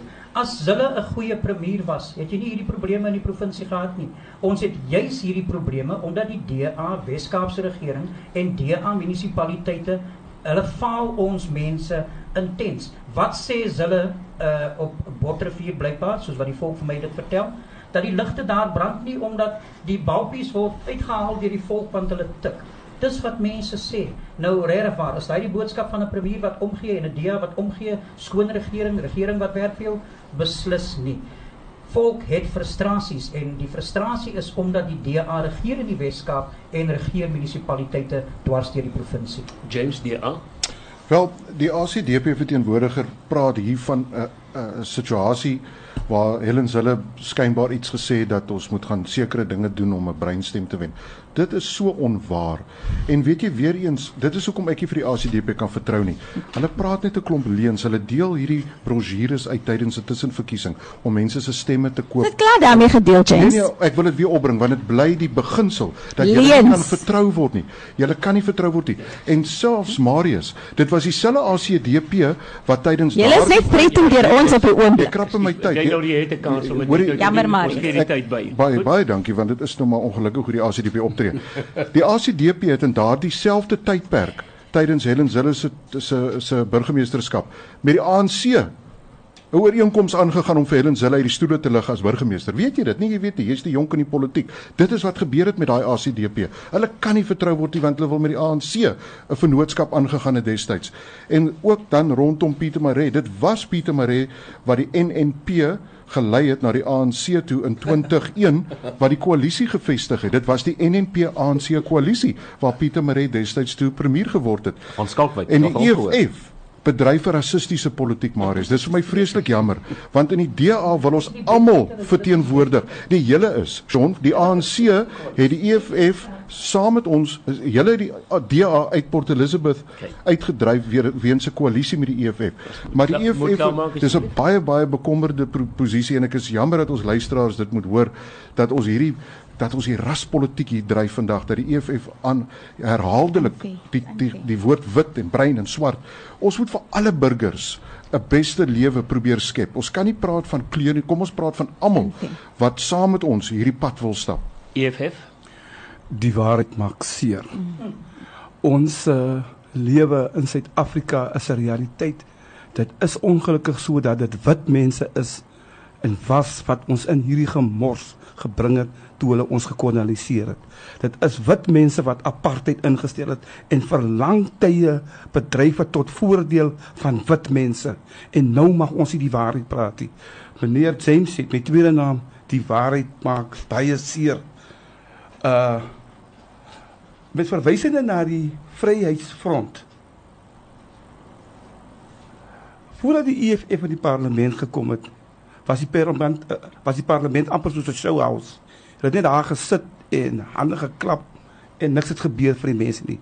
Die EFF is 'n revolusionêre sosialistiese politieke party en het sy program 'n doelgerigte program van stapel gestuur en dis dit dit was die EFF wie die korrupsie aangevat het en julle het gevolg die DA het gevolg en al die ander partye het gevolg as ons wat vir Jacob Zuma uit die parlement uit weggesag het die E EFF Die kans is verby ongelukkig. Ons is nou by by 'n half minuut langer. VF plus. Ons- ons ek praat- gee ek gee baie spasie op die oomblik vir almal, hè? Almal. Maar dan gaan ons VF plus. Ons praat eintlik oor die ontwrigting wat plaasvind.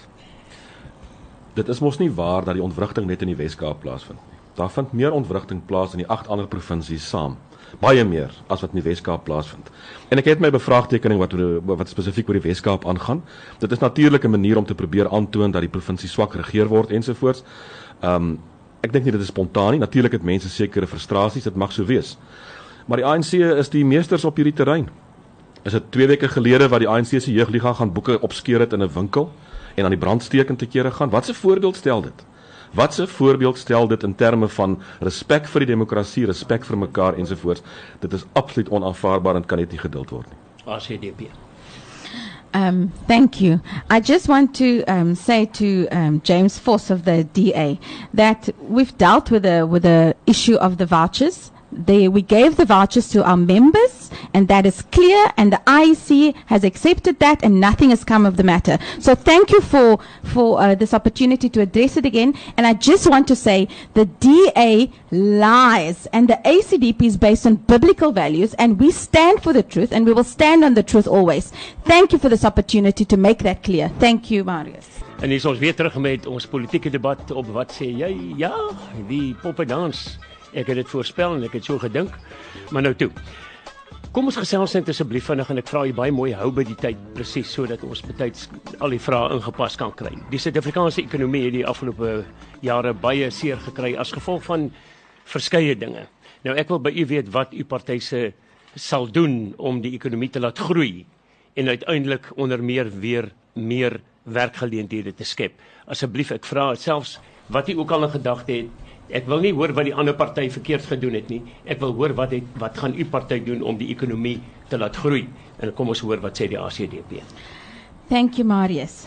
Um, the ACDP believes that it is the government's responsibility to create um, an environment where the economy can grow and where investors can come and invest. They feel welcome to come and bring their money to South Africa and invest, and hence then grow the uh, the economy and more jobs are created. One of the biggest uh, when we walk the streets of the Western Cape, the people, the first thing they complain about is crime, and the second thing they complain about is um, job uh, they're, no, they know they're unemployment they're unemployed.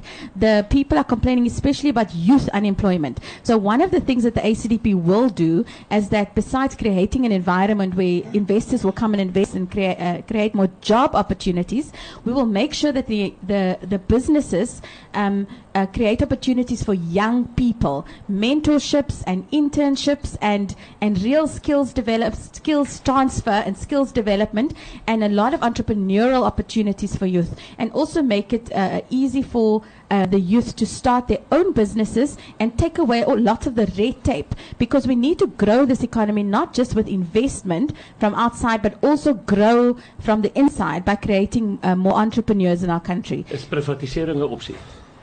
Uh, privatization. Well, we're against privatization of mines and, the, and, and ESCOM and all of that. So thank you. ANC. Wel, 'n ekonomie vir almal, beter deelname vir almal en beter voordeel vir almal. Stel werkers in staat om aandeel te hê in maatskappye waarvoor hulle werk en om te deel in die winste. Skep ruimte vir nuwe opkomende maatskappye deur monopolie en gedrag wat mededinging uh, uh, onderdruk om dit te beëindig. Uh, wys minstens 30% van die verkrygingsuitgawes van die regering toe aan klein ondernemings en aan koöperatiewe inisiatiewe. Verlaag die koste van data en brei wifi uit na meer persele reg oor die die die land werk saam met die finansiële sektor om finansiering aan klein ondernemings, swart nywerheids en uh, koöperatiewe inisiatiewe uit te brei. Uh, versnel grondhervorming en verskaf beter ondersteuning aan ontleikende kommersiële boere. Ons rand het reeds verstewig uh, teen die dollar byvoorbeeld. 290 miljard al klaar in die land in. Moody's praat goed oor ons. Hulle het ons B triple of double A3 ehm um, uh uh, uh rating het hulle het hulle behou. Uh, hulle glo in Ramaphosa se hernuwing en en en dit bring oplewing in die in die ekonomie. Listen, belê en skep meer werk. So die ANC regering nasionaal werkskepping ons is aan die gang. Privatisering? Gemengde ekonomie. Marius ja. baie baie dankie. Ja, die DEA se se doelwit is baie eenvoudig en dit is om 'n werk in elke huis te skep. En deur om dit te doen, moet ons die omgewing skep waar besighede kan floreer. En tans my posisie in die stadsraad van Kaapstad, ek staan aan die hoof van die ekonomiese sake departement en ons doelwit is baie eenvoudig. Ons moet 'n besigheidsfasilitereringsrol speel om te help dat meer klein besighede op die been gebring kan word toegang tot finansiering, toegang tot opleiding en toegang tot die nodige metodes om suksesvol te wees met die uitvoer van jou produk binneland of buitelands. En so daar's 'n hele uh, reeks van uh, projekte en programme waarop ons tans fokus wat juis die ekonomie in Kaapstad en in die Wes-Kaap so suksesvol maak dat ons 'n beleggings uh bestemming van keuse is. So belegging is baie belangrik want saam met belegging kan jy die werk skep vir jou inwoners en nie noodwendig waar ons tans sien in die ANC regering waar hulle 'n groot regering wil skep en meer amptenare in diens wil neem waar ons juis kyk om besighede meer suksesvol te kan maak. Vaardigheidsopleiding is belangrik. Ons moet fokus op daai sektore van ons ekonomie wat goeie groei toon en dat ons meer vaardigheidsopleiding in daai sektore laat geskied.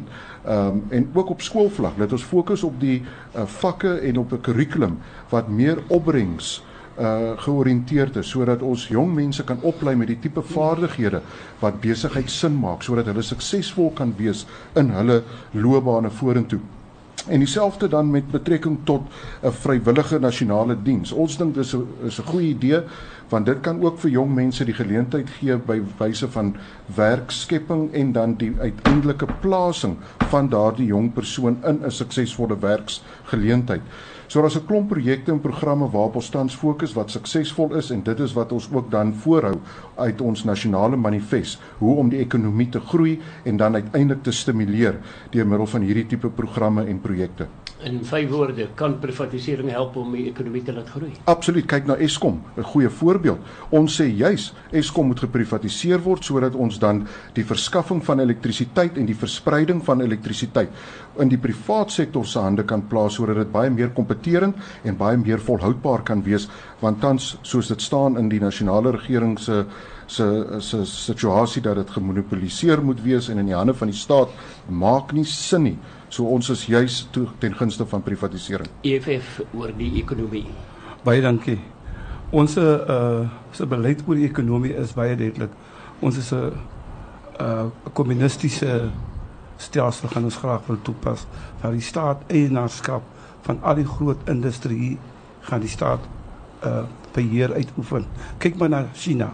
China is die wêreld se grootste se tweede grootste ekonomie en hulle stelsel is presies dit waarna die EFF streef. Die huidige kapitalistiese stelsel wie ons tans in Suid-Afrika het, werk nie, dit werk op die papier, dit werk in teorie, maar dit werk nie want dit lei dat 'n klein groepie individu besit alles ten koste van die massas mense. Dit wat ons kry. En die EFF gaan byvoorbeeld uh toelaat dat die jeugdiges en vrouens meer bemagtiging word. Ons gaan meer klem lê op die vervaardiging van Suid-Afrikaanse produkte en die koop van Suid-Afrikaanse produkte. Daar gaan wetgewing uitgaan om te sorg dat ons produkte hier gekoop word. Kyk hoe lyk uh uh Soutrivier en en Woodstock. Dit was die mekka gewees van die klere industrie. Die eiers het dit opgemors. Daar gaan niks aan nie. Ons klere kom uit die uh, uit die buiteland uit van China af. Wat hier gaan gebeur as ons gaan baie fokus op plaaslike vervaardigde produkte sodat ons ons eie mense kan bemagtig ekonomies. Privatisering? Privatisering gaan jy gedeeltelik toelaat. Wat die EFF sê daar as daar beleggers inkom, dan gaan daar uh kan ek sê uh uh incentives wees mm. vir die belegging en uh as hy 'n fabriek kom opsit, hy gaan 'n fabriekstoel kry, maar hy moet ten minste iets opsit uh 'n fabriek opsit wat 2000 volhoubare werksgeleenthede vir Suid-Afrikaners uh, skep. Dankie. EFF, ag geld ons Vryheidsfront Plus. Die ekonomie van 'n land en sy begroting verskil nie van die van 'n individu by die huis nie. As jy minder geld by die huis inkry as wat jy uitgee, het jy moeilikheid. Die land werk presies op dieselfde basis. As 'n land meer spandeer as wat hy inkomste inkry, is hy in die moeilikheid. En dan moet hy gaan geld leen en dan moet hy daarop rente betaal en jy's op 'n afpad in die moeilikheid in. Die probleem in Suid-Afrika is die fiskale dilemma is dat almal so min as moontlik belasting wil betaal, maar hulle wil soveel as moontlik staatsbesteding geniet. Dis onhoudbaar, kan nie gebeur nie. So wat doen mense daaraan? Die Vryheidsfront Plus sê ons moet staatsbesteding beperk. Ons gaan sommer begin met daai opening volgende maand van die president in Pretoria. Ons moet staatsentiteite privatiseer, ons kan daarna toe terugkom. Daar moet belastingverligting wees vir persone en besighede. Ons het dan met 'n nuwe fiskale kommissie kom wat spesifiek kyk na die vaststelling van die BTW koers en dit kan aanpas dan met kundiges aangestel word in inkomste diens. Hy's amper vernietig onder die ANC se interne bekleierery. Ons sê die petrolheffings moet verlaag word. Dit moet gebruik word vir waarvoor dit bedoel is en nie as 'n melkkoei vir die staat nie. Ons sê die etelstelsel moet geskraap word. Die regering moet belasting verdien en dit nie opeis nie. En ek moet vir die regering waarsku dalk ons is nie ver af wat my betref van mense wat begin mor en kla oor belastingbetalery nie want kyk waar gaan die geld heen. So wat die Vryheidsfront Plus basies sê is ons moet die ekonomie aan die groei kry. Hoe kry jy die ekonomie aan die groei? Deurdat jy vertroue skep. Jy moet vertroue skep dat mense vrywillig wil belê. Mense belê nie in 'n land waar korrupsie hoogtyd vier nie. 'n Ekonomie wat nie groei nie, skep nie werk nie en ons het 'n enorme probleem op daai basis. Daarom is dit absoluut noodsaaklik die Vryheidsfront se uitgangspunt is ons glo dat 'n vrye mark ekonomiese waarde volledig kan ontsluit dat dit bevorder en beskerm moet word en die hoeksteen van 'n vrye mark is wat privaat eiendoms besit. Maar daar is partye om die tafel wat dink hulle moet ander mense se goed vat. Dit gaan nie so werk nie. Ek wil asseblief nou vir die die laaste vraag. Ek gaan nie 'n repliek gee, ons het nie tyd daarvoor nie. Ehm um, ek wil hier moet net gesels oor uh, behuising landwyd en in die Kaap. En dan as jy dan sommer die tyd wil gebruik die 2 minute wat nie repliek gaan kan inhou nie, dan kan jy dit sommer ook op die manier doen uh, Vryheidsfront eerste. Natuurlik is een van die basiese dinge vir enige mens om sy menswaardigheid te erken. Ons hoor baie keer hoe ons kollegas en ons vriende uit ander gemeenskappe uitpraat oor hulle waardigheid, hulle menswaardigheid. En een van die basiese dinge van menswaardigheid is jou behuising. 'n Mens moet 'n ordentlike huis hê om in te kan woon. Maar ek dink in 'n sekere mate verskil ons as ons daarna daaroor gepraat het. Dit kan nie die staat se taak wees om onbeperk aan te hou huise bou nie. Dit is fisies nie moontlik nie. En nie net die ANC nie. Enige regering wat aan bewind sal kom in hierdie land gaan faal wat dit betref. Want nou moet jy daar byvoeg. Ons sit met 'n land met oop grense. Mense stroom in vanuit Afrika. Ons uh, syfers dui aan, jy mag omtrent 11 miljoen ongedokumenteerde buitelanders in Suid-Afrika wees. En mense maak aanspraak op dienste. En hulle maak aanspraak en die belastingbetaler moet daarvoor instaan. Daar's nie 'n manier nie. So die staat het 'n plig om te kan help in terme van die mees basiese wat ons betref. Maar daar's net een manier hoe ons daardie probleem gaan oplos is ons moet vir mense werk skep. As daar werksgeleenthede is en ons respekteer die vrye markstelsel en ons respekteer eiendomsreg, dan kan 'n persoon 'n werk hê, hy kan 'n salaris verdien, die bankwese kan vir hom geld gee en 'n verband kan hy gaan eh, uitneem. Hy kan 'n titelakte bekom, hy kan 'n eiendom bekom wat se waarde gaan toeneem. Maar solank daar gekyk word na die staat asof hy die verantwoordelikheid het om net onbeperk huise te voorsien, sal dit 'n bron van onheil bly in terme van konflik in Suid-Afrika. Dit maak nie saak wie regeer nie. As hy DP oor behuising Thank you, Marius. I just want to uh, correct something I said earlier. As, as you caught me by surprise. I wanted to say that we're against nationalizing of mines, and with ESCOM, we have a mixed view about that. Um, so I just want to get to housing. Yesterday, we were in Westlake, and it's just so heartsore to see how many people in our poor communities are still backyard dwellers. And there's just not one house, one um, dwelling in the backyard. There's like four in that small space. And people are living in uh, hagelijke omstandighede in onze gemeenskappe en dis baie hartseer. Um we uh, die die ander uh the other thing I want to bring up is the farm worker evictions.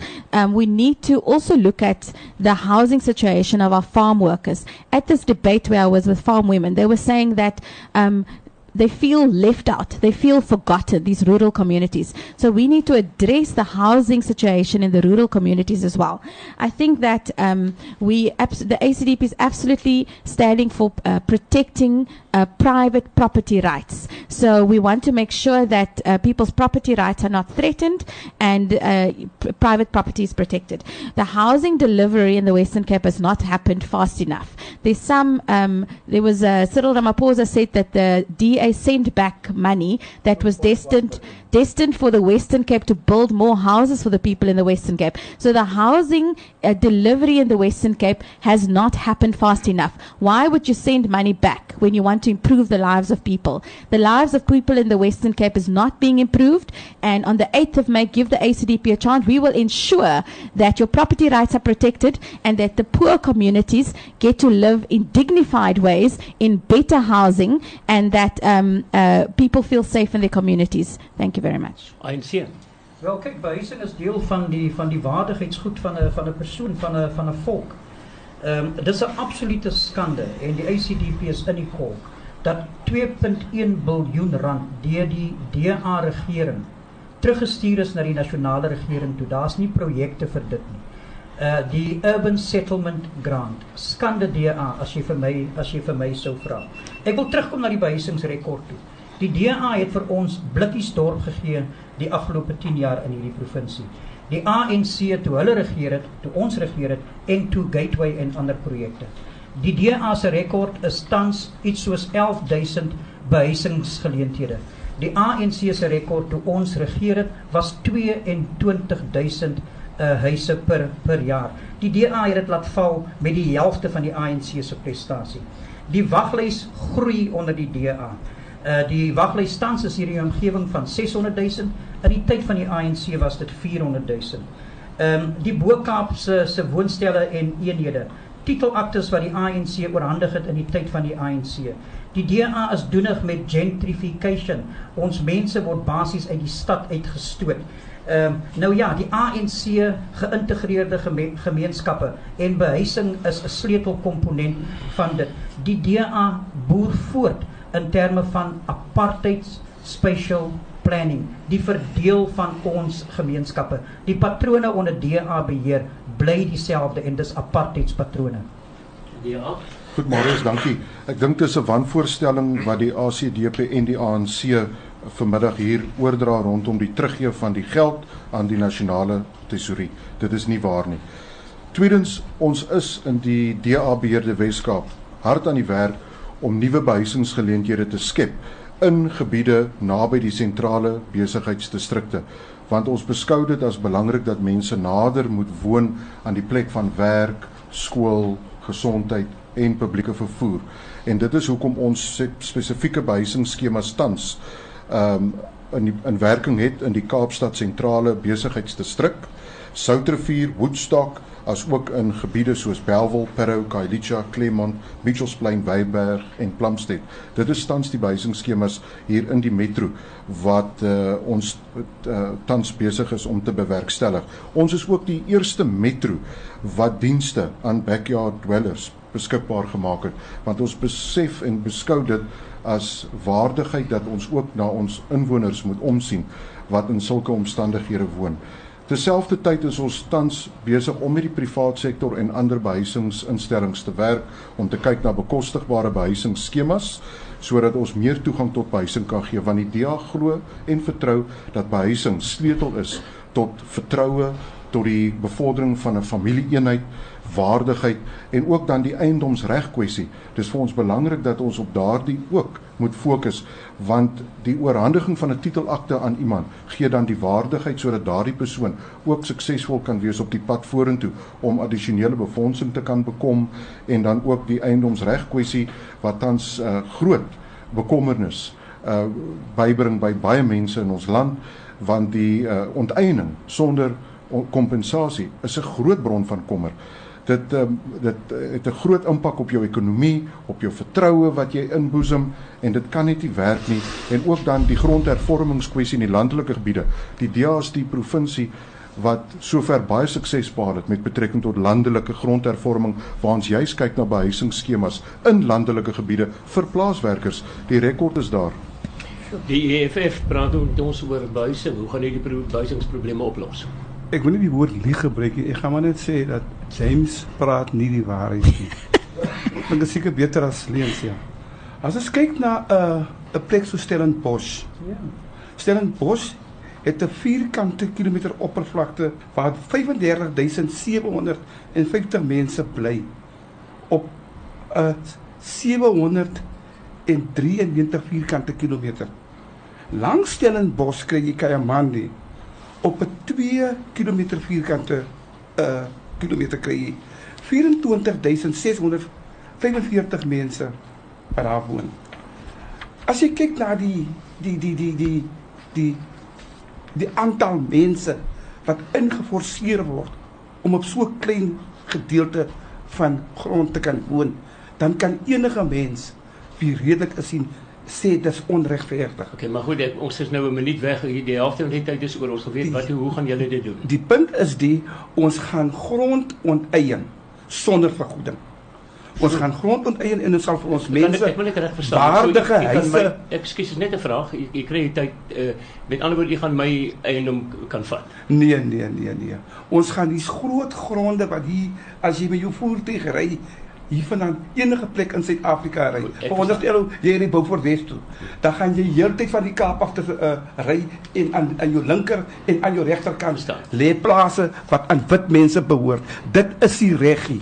Die mense het nie die plase gekoop nie. Hulle het dit by ons kom afgeneem. En hoe kan jy jou eie goed terugkoop? Ons sê nee, om vir ons mense behuisings te gee, het jy grond nodig om goeie kwaliteit huise met riool en en en met die nodige infrastruktuur uh, uh, struktuur vir ons mense te skep. Dankie. Hier is ons terug met die laaste paar minute van ons politieke debat vir vandag. Dame, menere, daar waar ek nou jare gelede in die radiobedryf my melktande gesny het by die SABC. Daar was destyds die reël dat omroepers nie 'n uh, mening mag uitspreek nie. Wel, gelukkiger is dit nou jare later en ek is die voorsitter van hierdie vergadering so ek mag my standpunt hier hê. Ehm um, sover as wat ek luister en hoor wat in in in die gemeenskappe aangaan, ook die mening van baie mense. Moet ek vandag sê ek persoonlik is baie teleurgesteld in byna al ons politici en uiters teleurgesteld in byna alle politieke partye. Julle die politici is tog my en elke luisteraar wat nou luister se verteenwoordiger. En met respek gesê as julle die land en sy belange eerste stel is julle veronderstel om te werk na en selfs mekaar se hande te vat om 'n beter Suid-Afrika vir almal te skep. Nie om net politiek te bedryf nie. Maar wat ek en so baie mense dikwels ervaar is dat dit in die politieke arena klink so skoolkinders wat mekaar aanvat en beledig mekaar se standpunte beledig en verkleineer. Kom ons wees nou eerlik. Dit is nie eenvoudig waar dat alles van alle politieke partye en alles van alle politici sleg en verkeerd is nie. Dis eenvoudig net nie waar nie, is nie moontlik nie. Noem my naïef as jy wil. Maar elke politikus en elke politieke party, hoe verwronge hulle standpunte soms ook mag wees en hoeveel selfsugtige en skokkende bybedoelings hulle mag hê, in dit wat hulle sê of wat hulle doen. Elkeen het ook goeie dinge waarop 'n mens kan fokus en selfs kan hande vat. En nou daag ek julle vandag uit hier om die tafel. As jy in jou party die beginsel onderskryf dat jy van Suid-Afrika 'n beter plek wil maak vir almal in belang van liefde, vrede, eensgesindheid en 'n verenigde en 'n sterk Suid-Afrika. Dan vra ek nou met respek vir julle klim asseblief net vir 'n paar minute uit jou politieke mondering uit. En maak oop jou hart en sê iets goeds, iets moois, iets opbouend van enige een van hierdie partye om hierdie tafel. Dis nou as jou party en jy ernstig is om Suid-Afrika te bou en sy mense eerste te stel. Ek daag u uit om iets moois en iets opbouend en iets goeds van enige van die partye om die tafel te sê en ek gee die EFF die eerste kans om te praat. Baie dankie. Ons is politicians en dit is per ongeluk die die werk van 'n politician om politieke werk te doen. Uh ek verstaan uh u standpunt want dit is u standpunt. Die lewe buitekant van die massa swart en bruin mense is 'n realiteit. Ons mense het honger, ons mense het nie kos nie. Ons mense ken van sy geboorte tot sy sterfdag ken hy net armoede. Dit is 'n voldonge feit dat in Suid-Afrika het wit mense al die rykdom en swart mense het niks. Bruin mense het niks. Met groot respek, jy het 30 sekondes ja, kans. Ek het niks uitgedaag om iets goeds te sê vir enige ander party. Ek praat die waarheid. Ek praat ek praat die waarheid hierso en en ten eh, eh, daardie kwessies moet aangespreek word. Absoluut. En die enigste politieke party wat dit kan aanspreek is die EFF.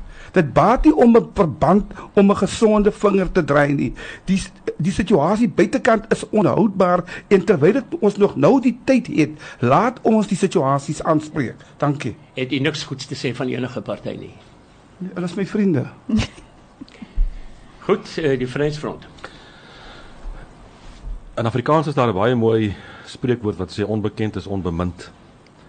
En deel van die politiek is dat ons by mekaar verbyleef en mekaar nie regtig leer ken nie. Dit is die aard van politiek. Ek is gekwalifiseerde regsgeleerde en ek kon in die privaat praktyk as 'n senior advokaat baie geld verdien het. Ek is nie daar nie. Ek is nie politiek omdat ek 'n verskil wil maak. Omdat ek in mense se lewens 'n verskil wil maak en ek glo almal om hierdie tafel wil dit ook doen. As ek die uitdaging kan aanvaar, ja, ek kan iets moois vir 'n ander politieke party sê, dan wil ek dit vir die ACDP sê. Die ACDP soos die Vryheidsfront Plus is 'n party wat op 'n Christelike basis gebaseer is en ek respekteer dit. Ons het 'n baie goeie verhouding gehad met die ACDP nog vir, van 1994 af. Ek respekteer dit. En julle gaan vir julle teikenmark en ons gaan vir ons teikenmark. Ek dink ons kan in Suid-Afrika se belange antwoord vind, ons kan 'n oplossing vind. Maar dan sal ons 'n klompie dinge moet regmaak en wie gaan die verskil maak? Leierskap op die boonste vlak. Dit is waar dit sal begin. ACDP. Dankie Marius. Jy sit nou vir ons almal in 'n baie in 'n rock and a hard place. I want to say that um elke politieke party hierso op die tafel, ewendeur die gedurende die break het ons gesê dat ons is Christene. So alle politieke partye het Christene in hulle in hulle.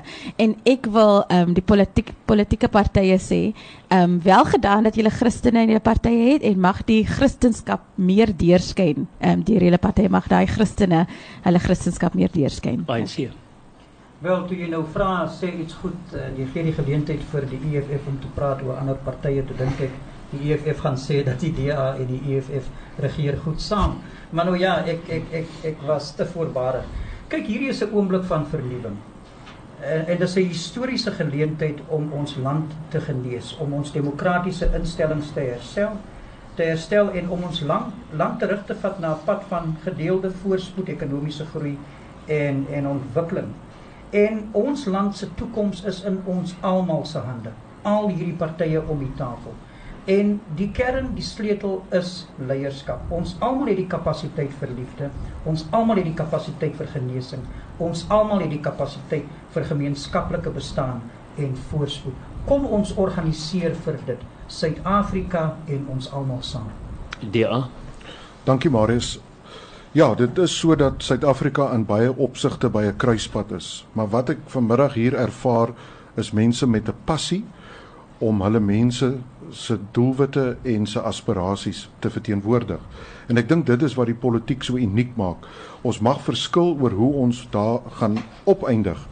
En ek dink dis belangrik want dis wat ons uniek maak as mense, want ons moet kan verskil oor die pad vorentoe. Maar wat ons moet kan saamstem oor vanmiddag is dat die doelwit is dat ons 'n gedeelde waarde het met mekaar. En dit gaan oor die liefde, die vertroue, die hoop eh wat ons met mekaar deel. En dis hoekom ek opgewonde is oor die politiek. My dogtertjie is nou 2 jaar oud en my vrou verwag en nog 'n enetjie is op pad. En ek het altyd gesê ek doen dit vir ons kinders en hulle se kinders. Die rede hoekom ek in die politiek is. Maar nou dat ek 'n dogtertjie het wat 2 is, besef ek die waarde daarin om hierdie werk te doen. En ek vind dit baie baie verrykend want ons werk met mense se aspirasies en dis hoekom ons in die DA glo dat ons Madiba se droom vir 'n Suid-Afrika waarin ons almal saam kan woon en saam kan seëvier moet nastreef. Baie dankie. Ja, daar word dikwels gesê dat mense die leiers kry wat hulle verdien, want ons verdien die partye waarvoor ons stem. En uh, u as ons gaste baie dankie vir die deelname. Ons vertrou dat terwyl ons luisteraars meer perspektief probeer kry het om te kan besluit waar hulle die kruisie gaan trek, dat u as die politici uit hierdie gesprek ook meer duidelikheid het oor u verantwoordelikheid as politieke voorlopers in Suid-Afrika. Uh, Gaynor Celef van die ACDP, dankie Sean Beileveld, uh, Beileveld van die ANC, James Vos van die DA, Benjamin Masala van die EFF en Corneille Muller van die VF+.